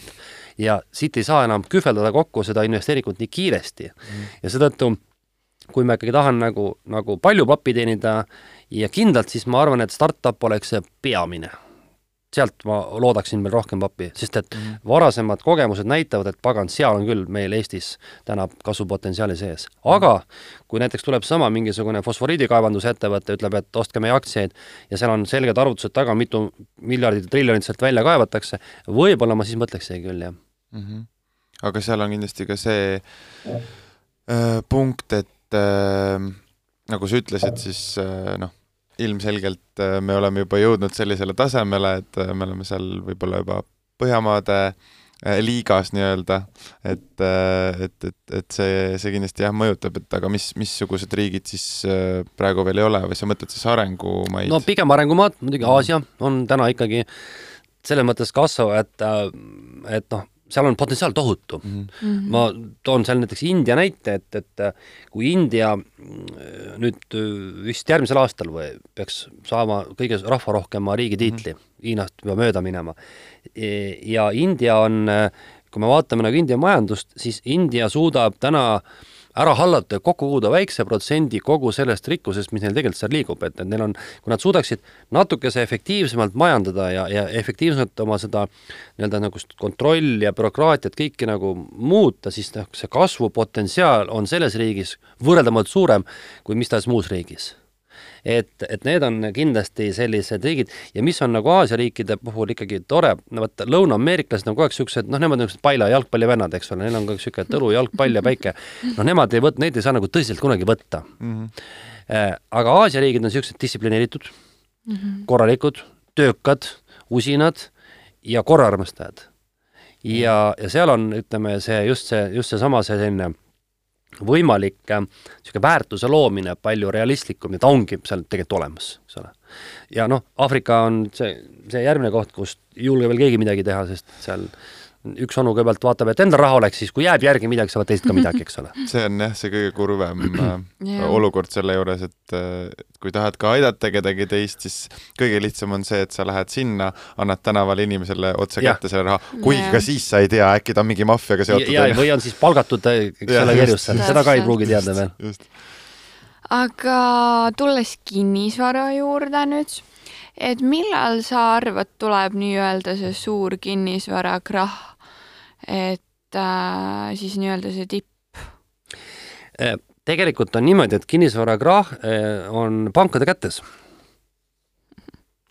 sest äh, enamus kinnisvarast ikkagi müüakse laenuga mm. -hmm. ja eelmine kinnisvarabuum sai ja mull ja see lõhkemine sai alguse sellest, et pangad andsid liiga kergekäeliselt laenu ja äh, tegelikult osteti väga palju kinnisvara niimoodi, et seda ei olnud vaja osta, vaid seda osteti investeerimise mõttes ehk spekuleerimise jaoks, et küll keegi ostab ta kallimalt ära mm. -hmm. ja tegelikult on, on olukord ju selline, et mis tahes kaubaturul, eriti kinnisvaraturul on seda hästi vaadata, et et sa pead nagu suutma monitoorida, et seda kinnisvara ostetaks jätkuvalt enda vajaduste põhiselt Mm -hmm. kui tekib liiga suur hulk inimesi, kes hakkavad kinnisvara ostma selleks, et, et hinnatõusust kasu saada, siis on oht olemas.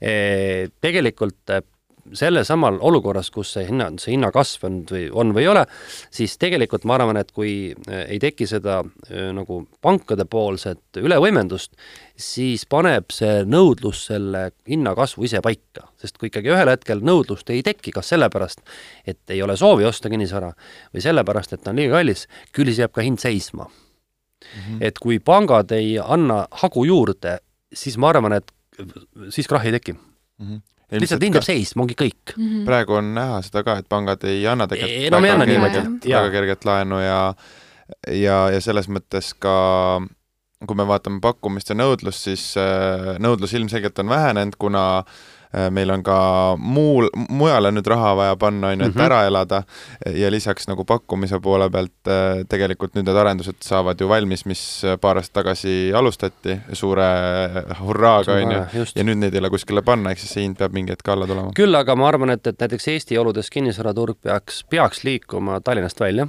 mm, -hmm. peaks liikuma ikkagi täiesti maakohtadesse kus, kui me räägime siin sellest, et me tahame, et mingi elu veel maa peal ole, maa, maa peal oleks ja maal oleks, siis on vaja, et, et inimesed, eelkõige noored, jääksid sinna elama mm. -hmm. täna, no ütleme, kui me võtame näiteks, et mingisuguse maakoha, siis maakohas piltlikult öeldes elavad need, kellel enam mingit lootust sealt välja saada ei ole, või elavad nüüd näiteks nagu ütleme, mina, kes ma olen juba, ütleme, jõudnud mingisse sta-, staatuselt, nüüd ma võin endale osta näiteks suvemaja kuskile, ma ei tea, Põlvasse näiteks, ja käia seal aeg-ajalt niimoodi tšillimas ja siis on seal keegi inimene veel elab, eks ole. aga et noh, noor inimene, kes mõtleb, et ma nüüd jään paikseks ja loon pere ja töökoha, siis tal ei ole seal, tal ei ole seal elukohta, pole seal tööd ja isegi kui tal tööd on, siis tal pole elukohta, siis ta läheb lõpuks käega, tuleb sealt ära, eks ole mm. -hmm. et kui nagu kuidagi suudaks selle kinnisvaraarenduse suunata ka sellisesse kohtasse, kus noh, me tahaks, et elu oleks, siis võiks noh, siis oleks Eestis seda kinnisvaraturgu küll, aga seal on lihtsalt see häda, et noh, et see on teada värk, et seal see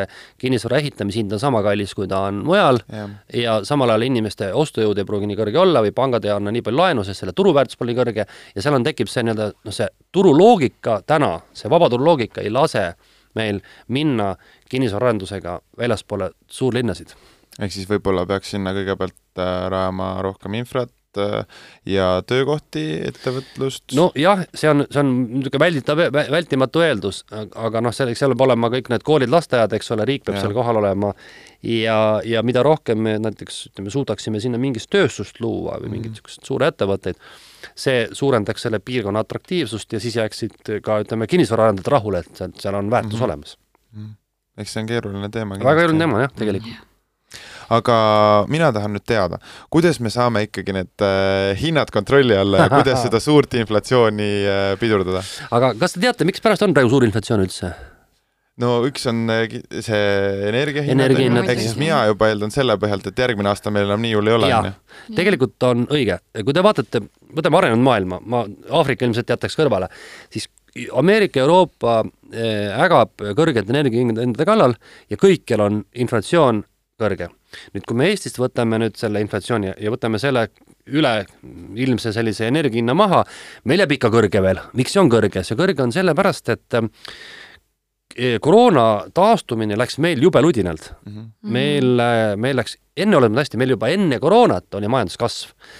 siis nüüd süstiti raha juurde, eks ole väike riik, meil oli see mõju palju suurem, see riigi mhm. abi, pluss võeti välja pensionifonde, see kindlasti ka mõjutas yeah pluss meil tekkis juurde IT-spetsialiste, miljonäre, see ka mõjutas, ehk tegelikult nagu rahva elujärg oli päris hea.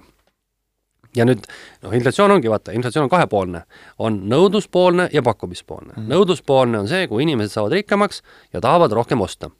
pakkumispoolne on see, kui sisendhinnad tõusevad. Need on siis kas tooraine, Eh, tööjõukulu või maksud. Nüüd, kui me võtame kõrvale, siis noh, esimene asi inflatsiooni pidurda on see, et, et, et näiteks ärme makse tõsta, on ju, see on esimene variant. isegi langetame makse, millega võiks eeldada, et kauba hind nüüd kas jääb seisma või tuleb alla, nii, kui me võtame sealt nüüd energiaressursi hinna kasvu ka maha, siis me oleme saanud pakkumispoolsest eh, sellest inflatsioonist kaks elementi kontrolli alla, jääb järele tööjõu nii-öelda siis kallinemine. Nüüd see on ka, nüüd see on omaette küsimus, ehk siis selle taga on see probleem, et täna Eestis ei ole piisavalt inimesi. nüüd äh, kuidas see nüüd ralli võiks siis minna välja, siis ütleme noh, üks variant on selline, et, et okei okay,, ütleme, et energia enam ei tõuse, maksud ei tõuse, aga tööjõukulu tõuseb. nüüd töö, tööjõukulu tõuseb selle tõttu, et nõudlus inimestel on suur, iga järgnev ettevõte pakub üha rohkemat palka nüüd ettevõte saab palka pakkuda nii kaua, kui ta veel kasumit teenib, eks ole. nüüd ühel hetkel need ettevõtted, kes ei suuda enam palgata inimesi ja kui nad ka väljaspoolt palgata ei suuda, siis need ettevõtted ütlevad kinni. see ongi vsjo. ehk et turu mõttes on see just nagu väga äge, jäävad ellu ainult need ettevõtted, kes suudavad maksta kõrget palka ja kes suudavad järelikult müüa midagi, millel on väärtus mm. -hmm. see on muidugi väga valus protsess, eks ole ju. aga kui me nüüd vaatame nagu lühiajalises perspektiivis mm, -hmm. siis ühele vastasite ära, jah, tõesti, järgmine aasta on energiahindade tõus loodetavasti pidurdunud. loodetavasti see osa jääb ära, eks ole. nüüd meid rallib tagant ikkagi palgakasv praegu. ja see palgakasv on siis kahest asjast tingitud, see on tingitud sellest, et inimesed vajavad palka, sellest energiahinnad on kallid, eks on vaja rohkem palka maksta. Mhm. ja teine on see, et pole ka töötajaid võtta. ja nüüd noh, peab toimuma mingi kohandumine kas siis mingi ettevõtte hulk lihtsalt sureb välja, eks ole ju, ja olemasolevad ettevõtted kohanduvad näiteks ütleme, noh, ma ei tea, nad siis asendavad näiteks inimese robotiga, noh, ma ei tea, kuskilt jaekauplus näiteks oletame, eks ole. võtavad inimesi kuskilt väljastpoolt tööle või, või midagi nad teevad, aga ühel hetkel peab olema see, noh, see, see olukord peab jõudma sinna välja, et, et see palgakasv ei tohi olla üle väärtuse kasvu. kui sellega, et me maksame teile palka juurde, mulle keegi, keegi maksab palka juurde ja sellega me ikkagi, ettevõte saab veel kasumit toota juurde, no siis võib palka tõsta, siis pole hullu midagi. jah, aga noh, see on see mõtteviis, mis on suht keeruline ja, nagu paika on. saada. et siin on küsimus eelkõige ikkagi selles, et, et et kuidas nagu pidurdada seda nõudluspoolset, seda, et meil on, meil on rohkem raha, me rohkem ostame ja, ja seetõttu eh, teiselt poolt tekib hinnakasv ja sealt tekib surve sellele palgakasvule, et mhm. kuidas nagu seda ahelat nagu katkestada, et see palgakasv ei tohiks olla nii meeletu mm. -hmm kui see palgakasv on väike, selline noh, viis protsenti, kolm kuni viis protsenti aastas, mis ta on tavaliselt olnud, et siis sellega ei, ei, ei teki see hüpe nii meeletu mm. -hmm. aga praegu uhavad takka just täpselt kaks asja rahval raha on ja ettevõtjad maksavad veel palju palka ja, ja teistpidi on siis need energiahinnad kõik mm. -hmm aga mis sa arvad, kas siin on üldse valitsusel midagi, mida tema saab teha või pigem see on selline erasektori kätes?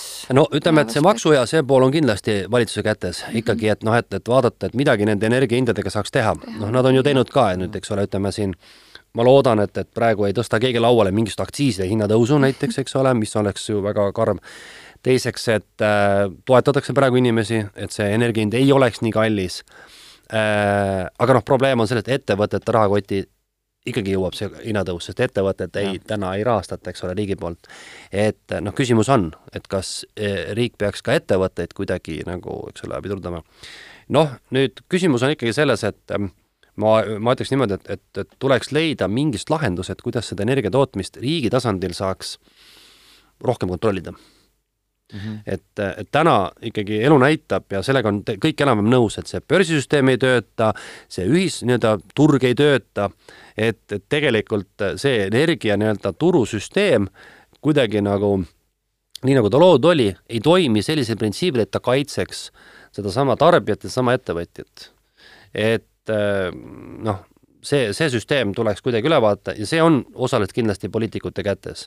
mõni, mõned poliitilised jõud on olnud väga räigelt öelnud, see kõik on jama, me saame, ma ei tea, jumala muidu anda seda elektrit teile, teised ütlevad, päris nii ei saa, kuskil ta on vahepeal seal. seal vahepeal nagu ikka. jah. täpselt.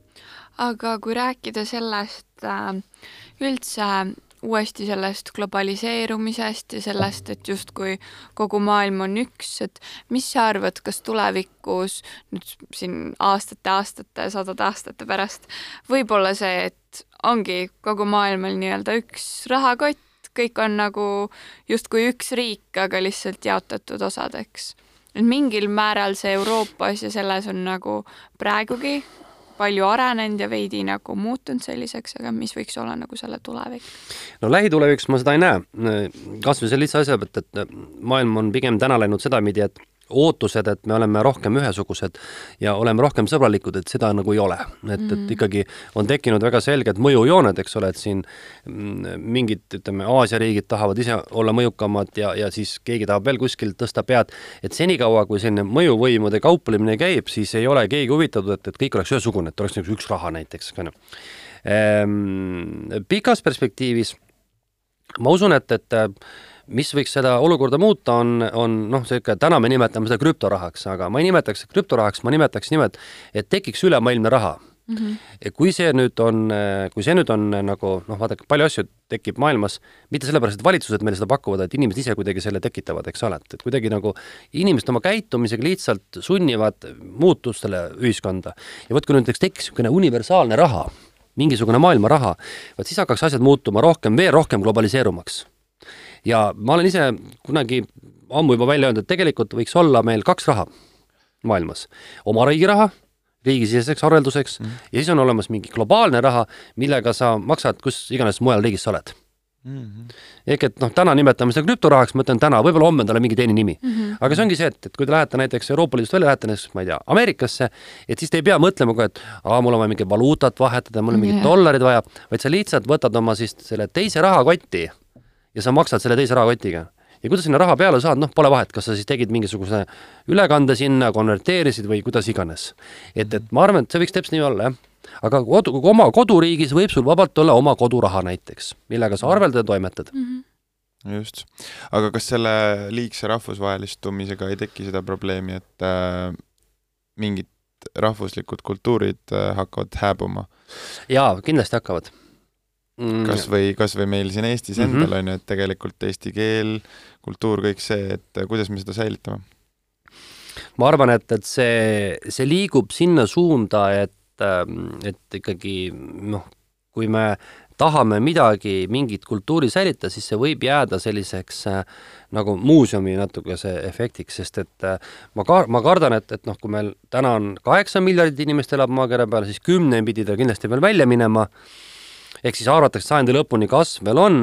Ja kui te nüüd mõtlete, et meid siin juurde ei tule, siis meie protsent lahjeneb üha väiksemaks ja väiksemaks ja väiksemaks ja siis me oleme nagu natuke nagu see muuseumis, et noh, et pannakse välja siin neandertaallaste niisugune ekspositsioon või on mingi looduspark, eks ole, kus hoitakse nagu niimoodi piirid kinni ja siis seal elavad sellised mingid haruldased loomad, et noh, et see on ainuke variant sellist kultuuri säilitada, et noh, et, et a la keegi maksabki peale, et las need siis need niisugused eksootilisemad rahvad siin toimeta veel. see on küll naljakas mõte või noh, väga naljakas, aga samas ka nagu väga aga tõsine see, mõte. aga see võib olla, sest muu muu maailm tahab õudselt universaalne olla, kõik ja. tahavad olla maailma inimesed mm. -hmm. et ähm, ma, ma olen vaadanud siin tegelikult, kui sa võtad nagu keskmise kodaniku, siis ähm, keskmised kodanikud tihtipeale ei ületähtsusta oma rahvust, eriti kui nad on suurest riigist. Neile meeldib rääkida inglise keeles, neile meeldib, et oleks rahasüsteem ühtne, nad tahavad, et oleks pool võimalik reisida. Nad, eh, keskmine inimene tegelikult tihtipeale ei tunneta seda rahvuslikkust ja riiklikkust üldse nii nagu meie ja, ja ta ei pruugi meist üldse aru saada, meie murest aga kas just äh, keeleliselt ei ole vastupidi, mina olen just äh, kohanud seda, et äh, näiteks prantslased või, või ka venelased on hästi uhked, et nad räägivad ainult oma keelt ja ei taha nagu jaa, aga noh, nemad on ka, ütleme, noh, need on üks võib-olla kümnest riigist, mis kindlasti või keelest, mis jääb, eks ole. seda küll, jah. et kui me paneme siia juurde sellised, ütleme, Taani ja Skandinaavia riigid, siis seal on tegelikult inimesed hästi globaalsed juba. ja, ja, ja, ja nad tegelikult äh, ei ole üldse nii kohutavalt sellised nagu etnotsentristlikud oma keele osas näiteks ja kultuuri osas, kui meie oleme. Nad äh, küll jah, mingisuguseid traditsioone asju järgivad, aga nad ei pruugi üldse nii räigelt olla sellised. aga, aga noh, kui, kui ma arvan, et kui võtta nagu selline pehmem stsenaarium, no kõik sõltub sellest, mis saab poliitilisest olukorrast tegelikult. Sest et kui poliitilised riigid ikkagi veel jäävad eksisteerima, siis ma arvan, et saja aasta pärast Eesti veel ei kao kuskile ära. ma arvan, et ta jääb mhm. täitsa vabalt. võib-olla isegi rahvaarv on meil samasugune. küsimus on selle eestlaste osakaalus, kes räägivad eesti keelt, eks ole aga, aga räigemas stsenaariumis, kui me veel, nagu sina ütlesid, globaliseerume, siis võibki olla niimoodi, et, et nüüd teist veel paar põlvkonda edasi ja noored on nii maailma kodanikud, et nad äh, räägivad erinevat keeli, on vanemad hästi erinevad ja nad ei, nad ei seosta mitte ühegi rahvusega ennast. ja see on täna ju nii, vaadake, kui need mitmekeelsest päri, perest pärit mm -hmm. lapsed, nad ei seosta ühegi rahvuse ega riigi ennast enam jah, nad ei saa öelda, et nad on eestlased. jah, või nad on ameeriklased või sakslased, nad on mingid kodanikud, kes elavad täna siin, homme seal maailmalased. just. maailma kodanikud. aga siin on uudistes olnud ka see, et tahetakse teha Eestis seda seadust, et kõik teenindav personal peab rääkima eesti keelt. aga kohati me enne puudutasime ka teemat, et Woldi kullerid ja kõik see, et meil on seda välistööjõudu äh, suhteliselt palju tegelikult ka teenindavas sektoris. mis sa arvad, kas see on nagu reaalne idee ja nagu võimalus? Mida rakendada? siin on nüüd, äh, tegelikult on kaks äh, lähenemist, üks on see, et me käseme neil seda õppida, ma ei tea, mismoodi see siis käib, et nad peavad saama mingi kutsetunnistuse, et nad on, tohivad selle rattaga seda pitsat vedada laiali, siis nad teevad ennem keeletesti. Äh, teine variant on see, et noh, et, et, et turg jälle paneb ise paika, et kui sa oled näiteks Woldi, Bolti kuller Tallinnas, võib-olla sa ei pea oskama eesti keelt, aga oled näiteks ütleme, ma ei tea, Tartus, vot seal pead. sa ei pea, vaid sa ei saagi muud moodi hakkama mm, -hmm. eks ole. et et siin võib-olla paneb see turg selle ise paika. see, teate, see on, sellega on niisugune, see on ma toon näite, kes kõige rohkem selle vastu sõdib, on Tõnis Lukas. Tõnis Lukas on Tartust pärit inimene lõunaeestlased kõik on kartnud hästi, mis on võõrast, nad on eestlased, põhjaeestlased, põhjas me oleme siin eluaeg elanud erinevate äh, kultuuridega segamini kui sa võrdled põhjaeestlaste ja lõunaeestlaste niisugust nagu muresid, siis põhjaeestlane ei muretse metsa pärast ega mingi rahvuse säilimisega, keele pärast. see pole üldse küsimus, sellepärast et nad on kogu aeg elanud nagu linnainimesed, eks ole mm. -hmm. Lähed sa sinna kuskile sinna, ütleme sealt Paidest lõuna poole, siis on hoopis teised inimesed. Nende jaoks on mets ja kultuur ja keel hoopis teistmoodi. jah ja, väike Tõnis, riik, aga ja, nii suur erinevus. ja Tõnis Lukas esindab neid, neid metsamehi seal, kes tahab, eks ole, veel eesti keeles rääkida. ma arvan, et, et suur-suur hulk inimesi ei näe selles üldse probleemi. et see Bolti või Wolti kuller, keegi just ütles, et ütles ka selle kohta, aga ma ei pea üldse eriti veel rääkimagi midagi yeah.. Mm -hmm. ma olen ka neid ju vaadanud, noh, thank you ja, ja yeah., ja welcome yeah. ja, ja kogu moos, noh, mida sa ikka nendega rohkem räägid, eks ole ja koroona ajal ei rääkinud üldse midagi, pandi ukse taha sul see pitsa. No. kõige lihtsam onju. just, ja kui meil nüüd tekivad veel need ähm, Starshipi robotid, noh, nendega sa ei pea rääkima ju, onju. jah, issand, selle Starshipi robotiga üks naljakas lugu, ma siis, kui nad alles tulid äh, siin, ma ei tea, mitu aastat tagasi onju, siis äh, jalutan mina rahulikult äh, keset teed onju äh,, siis ülekäigurada jään seisma, vaatan, et autosid ei tuleks. Ja siis vaatan korra selja taha, see vend on mul taga, ma ehmatasin niimoodi ära. Et, et mis asja onju siis, siis just olid tulnud, onju, et äh, sihuke väga, väga uudne pilt oli kuidagi linnapilt. mingit muusikapala mängima äh, pidi olema mingi sihuke värk, et neid saab tellida näiteks kui sünnipäevaks näiteks toob, siis on võimalik, mängib sulle sünnipäevalaulu või midagi. aa, seda ma ei teadnud. ma kuskilt kuulsin, jah. no vot, kuhu suunas me liigume aga korraks veel selle rahvusvahelistumise juurde tagasi tulles või, või riikidevahelistest suhetest, siis äh, mis sa arvad, kas Euroopa Liit ja NATO jäävad äh, pikaks ajaks püsima? Ütleme sihuke järgmised sada aastat näiteks tahaks loota, et jäävad, nii palju on vaeva nähtud, et Narva oleks seda nüüd siin, eks ole, nüüd pilbasteks lõhkuda. paistab niimoodi, et NATO on palju ühtsem, kui on Euroopa Liit. mm -hmm. NATO-sse kuuluvad ju tegelikult väga erinevad riigid. Türgi näiteks, eks ole, siis eks ole islamiriigina ja Vene sõbranna, siis ütleme meie siin, siis näiteks Island, kellel polegi sõjaväge üldse ametlikult ja, siis on Ameerika Ühendriigid, maailma kõige suurem riik, et noh, nagu nii erinev segapudru, aga, aga seal nagu asi toimib. Euroopa Liidus meil on mingid tüübid, kes nagu tahavad nagu, et noh, liiga palju on võrdsust või, või et ühtset poliitikat, liiga vähe on otsusõigust, siis keegi tahab sealt rohkem raha, keegi vähem raha. et noh, seal on see, kuna see ma-, raha jagamine tekitab alati tülisid, vaata mm, -hmm. siis vot see on see, see probleem, aga küsimus on selles, et, et noh, mm, nüüd on küsimus selles Suurbritannia nagu lahkulöömises, et kui Suurbritannia case näitab, et lahkulöömine pole mõttekas kasulikum on koos olla, siis ja. seda vähem on huvi laiali minna. meil siin ju tegelikult ka ühed poliitilised jõud plaksusid ilgelt käsi, et vot nüüd te näete, näete, vaadake, maailma üks jõukamaid riike astus praegu välja ja vaadake, kui hästi neil läheb. aga tegelikult praegu tuleb välja, et ei lähe hästi, nad ikkagi jätkavad Euroopa Liidu seadustega ja ja, ja võib-olla see ei olnud nagu kõige parem mõte.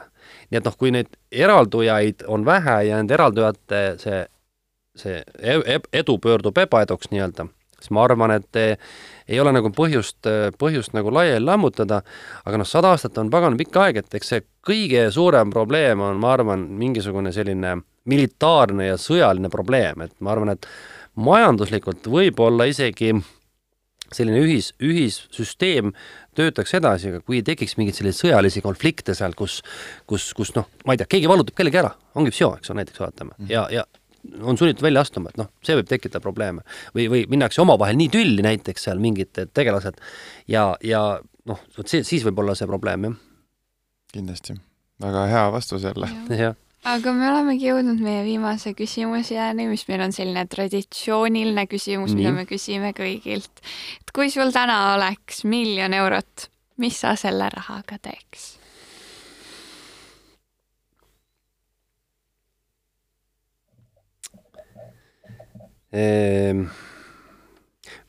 Noh, ma nüüd ilm, mina, ma nüüd, ma saan aru, et tegelikult saaks vastata mitmel moel. kõigepealt saaks vastata mingi, et ma jagaks selle laiali mm. -hmm. teine variant on, et kasutaks enda tarbeks, eks ole e,. ma, e, vaata, tead, kui oleks miljard, vaata, ma oskaks öelda, siis ma teeks sellega midagi suurt. miljardiga ma oskaks teha. miljonit ma ilmselt jagaks endale. miljardiga ma teeks midagi Eesti riigile aga miljoniga ma võtaks kõigepealt vähemalt ühe aasta vabaks, ma ei teeks mm -hmm. mitte midagi seesama, millest sa rääkisid? jah, ma puhkaks, ma reisiks, ma tahaks kohutavalt tahaks reisida, puhata, tegeleda hobidega. Äh,, siis ma teeksin otsuse, et millega ma jätkan, millega ma ei jätkaks, mis tegevustega. Ja mm, ma kaldun arvama, et ma looksin mingi äri. Ma olen oma loomult äh, ikkagi üsna ettevõtjalik, ma olen sündinud ettevõtjate perekonda, mul tohutu hulk esivanemad on olnud ettevõtjad ja mul on see ettevõtluse geen sees, et ma investeeriks millessegi, ma teeks midagi sellist, mis oleks äge, miljoni eest saab päris palju ehitada, noh, ma ei tea, teeks ma mingi kuurot hotelli, no jumala eest, ma praegu lihtsalt panen lampi mingi, teen mingi hotelli ja olen hotellipidaja lihtsalt ja kutsun teid külla sinna chill ima, eks ole. et see oleks nagu vahva, et mingi, noh, mingi äri, mis mulle meeldiks teha. Et ma arvan, et ma, ma niimoodi teeksin, jah no see on mõistlik, ikkagi esmalt mõtleme enda peale ja siis, siis maailma peale. aga miljardiga ma teeksin midagi suurt juba ja siis ma teeksin midagi riigile juba no selge, kuule, aga Kristo suur,, suur-suur tänu sulle täna tulemast väga,, väga-väga põnevad teemad äh, olid meil ja kindlasti avasid äh, neid väga hästi. Äh, ja meil on sulle ka väike kingitus Aha. kirjastuselt Helios, kes on sulle välja pannud raamatu PayPali rajajatest ja Silicon Valley ajalugu muutnud väga ettevõtjatest. ma ei ole isegi näinud seda raamatut. suured tänud. täiesti uus ja mis just raamat, tuli jah. välja. väga hea. huvitav, et kõik raamatud minu arust paksuks läinud, et no siin on ka viissada lehte, mul on kõik raamatud on nii paksud, et see tükk aega võtab lugemist. võtab aega mm, -hmm, aga noh, tuleb võtta päevas see aeg, onju. tuleb võtta aega, väga äge, aitäh teile. Äh, ja kuulajatele kindlasti jälgige meid äh, ka Instagramis, et äh, TalTech Youtube'is ja minge kuulake ka Spotify's meid. nii et meie poolt täna kõik ja näeme järgmine kord. tšau. tšau.